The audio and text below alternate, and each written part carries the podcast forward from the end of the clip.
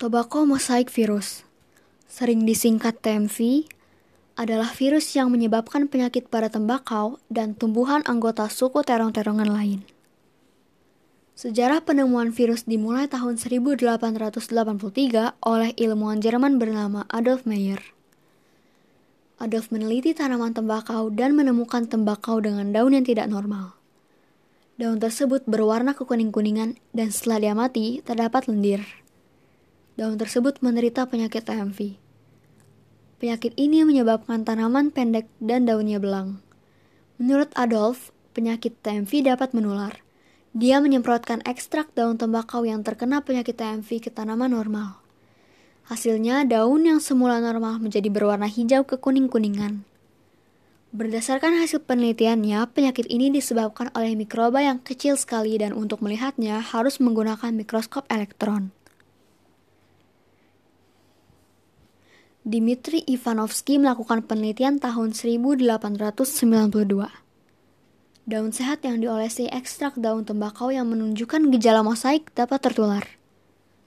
Ketika ekstrak itu disaring dengan saringan keramik yang sangat halus agar bakteri tidak menembusnya, lalu dioleskan pada daun sehat, daun itu pun tetap tertular. Dimitri menyimpulkan mikroba penyebab penyakit tersebut bersifat patogen dan ukurannya lebih kecil daripada bakteri.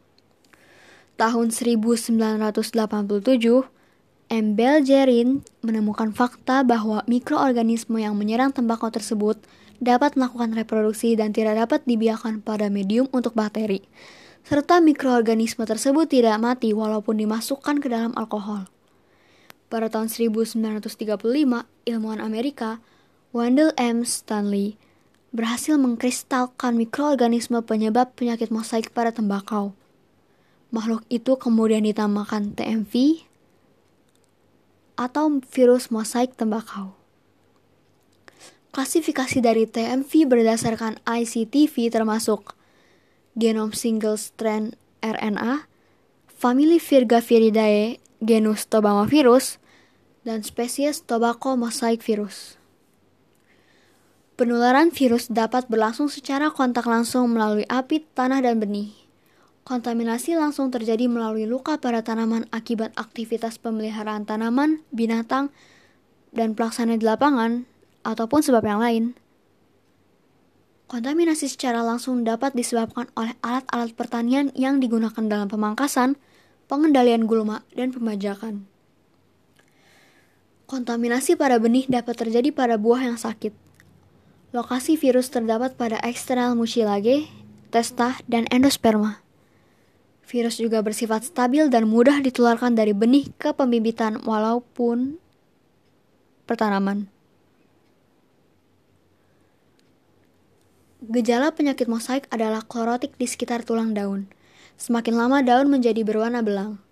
Daun yang berwarna hijau akan lebih tua warnanya, dan pertumbuhan daun terhambat.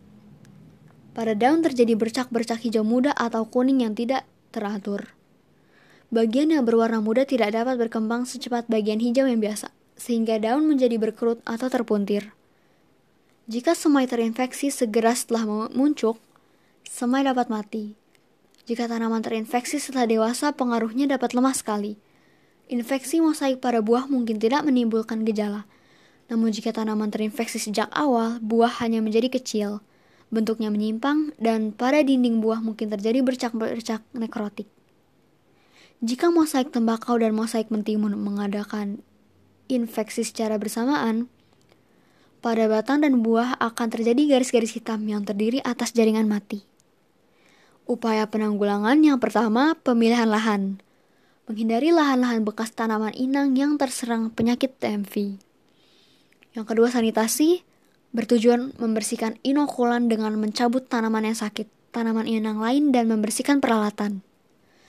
Yang ketiga, disinfeksi tangan pekerja. Dianjurkan memakai sabun hijau secara intensif untuk mencuci tangan pekerja yang memasuki area tembakau. Empat varietas tahan Memilih varietas yang tahan akan penyakit TMV seperti Coker 51, Coker 86, dan SC72. 5. Rotasi dengan tanaman bukan inang. Bertujuan untuk memutus rantai makanan atau memberi lingkungan yang tidak cocok bagi patogen sehingga populasi virus menurun. beberapa tanaman untuk rotasi antara lain jagung, kapas, kacang tanah, kedelai, dan ketela rambat. 6. Penyemprotan vektor dengan insektisida. Dan yang ketujuh, pengendalian bisa dengan susu skim.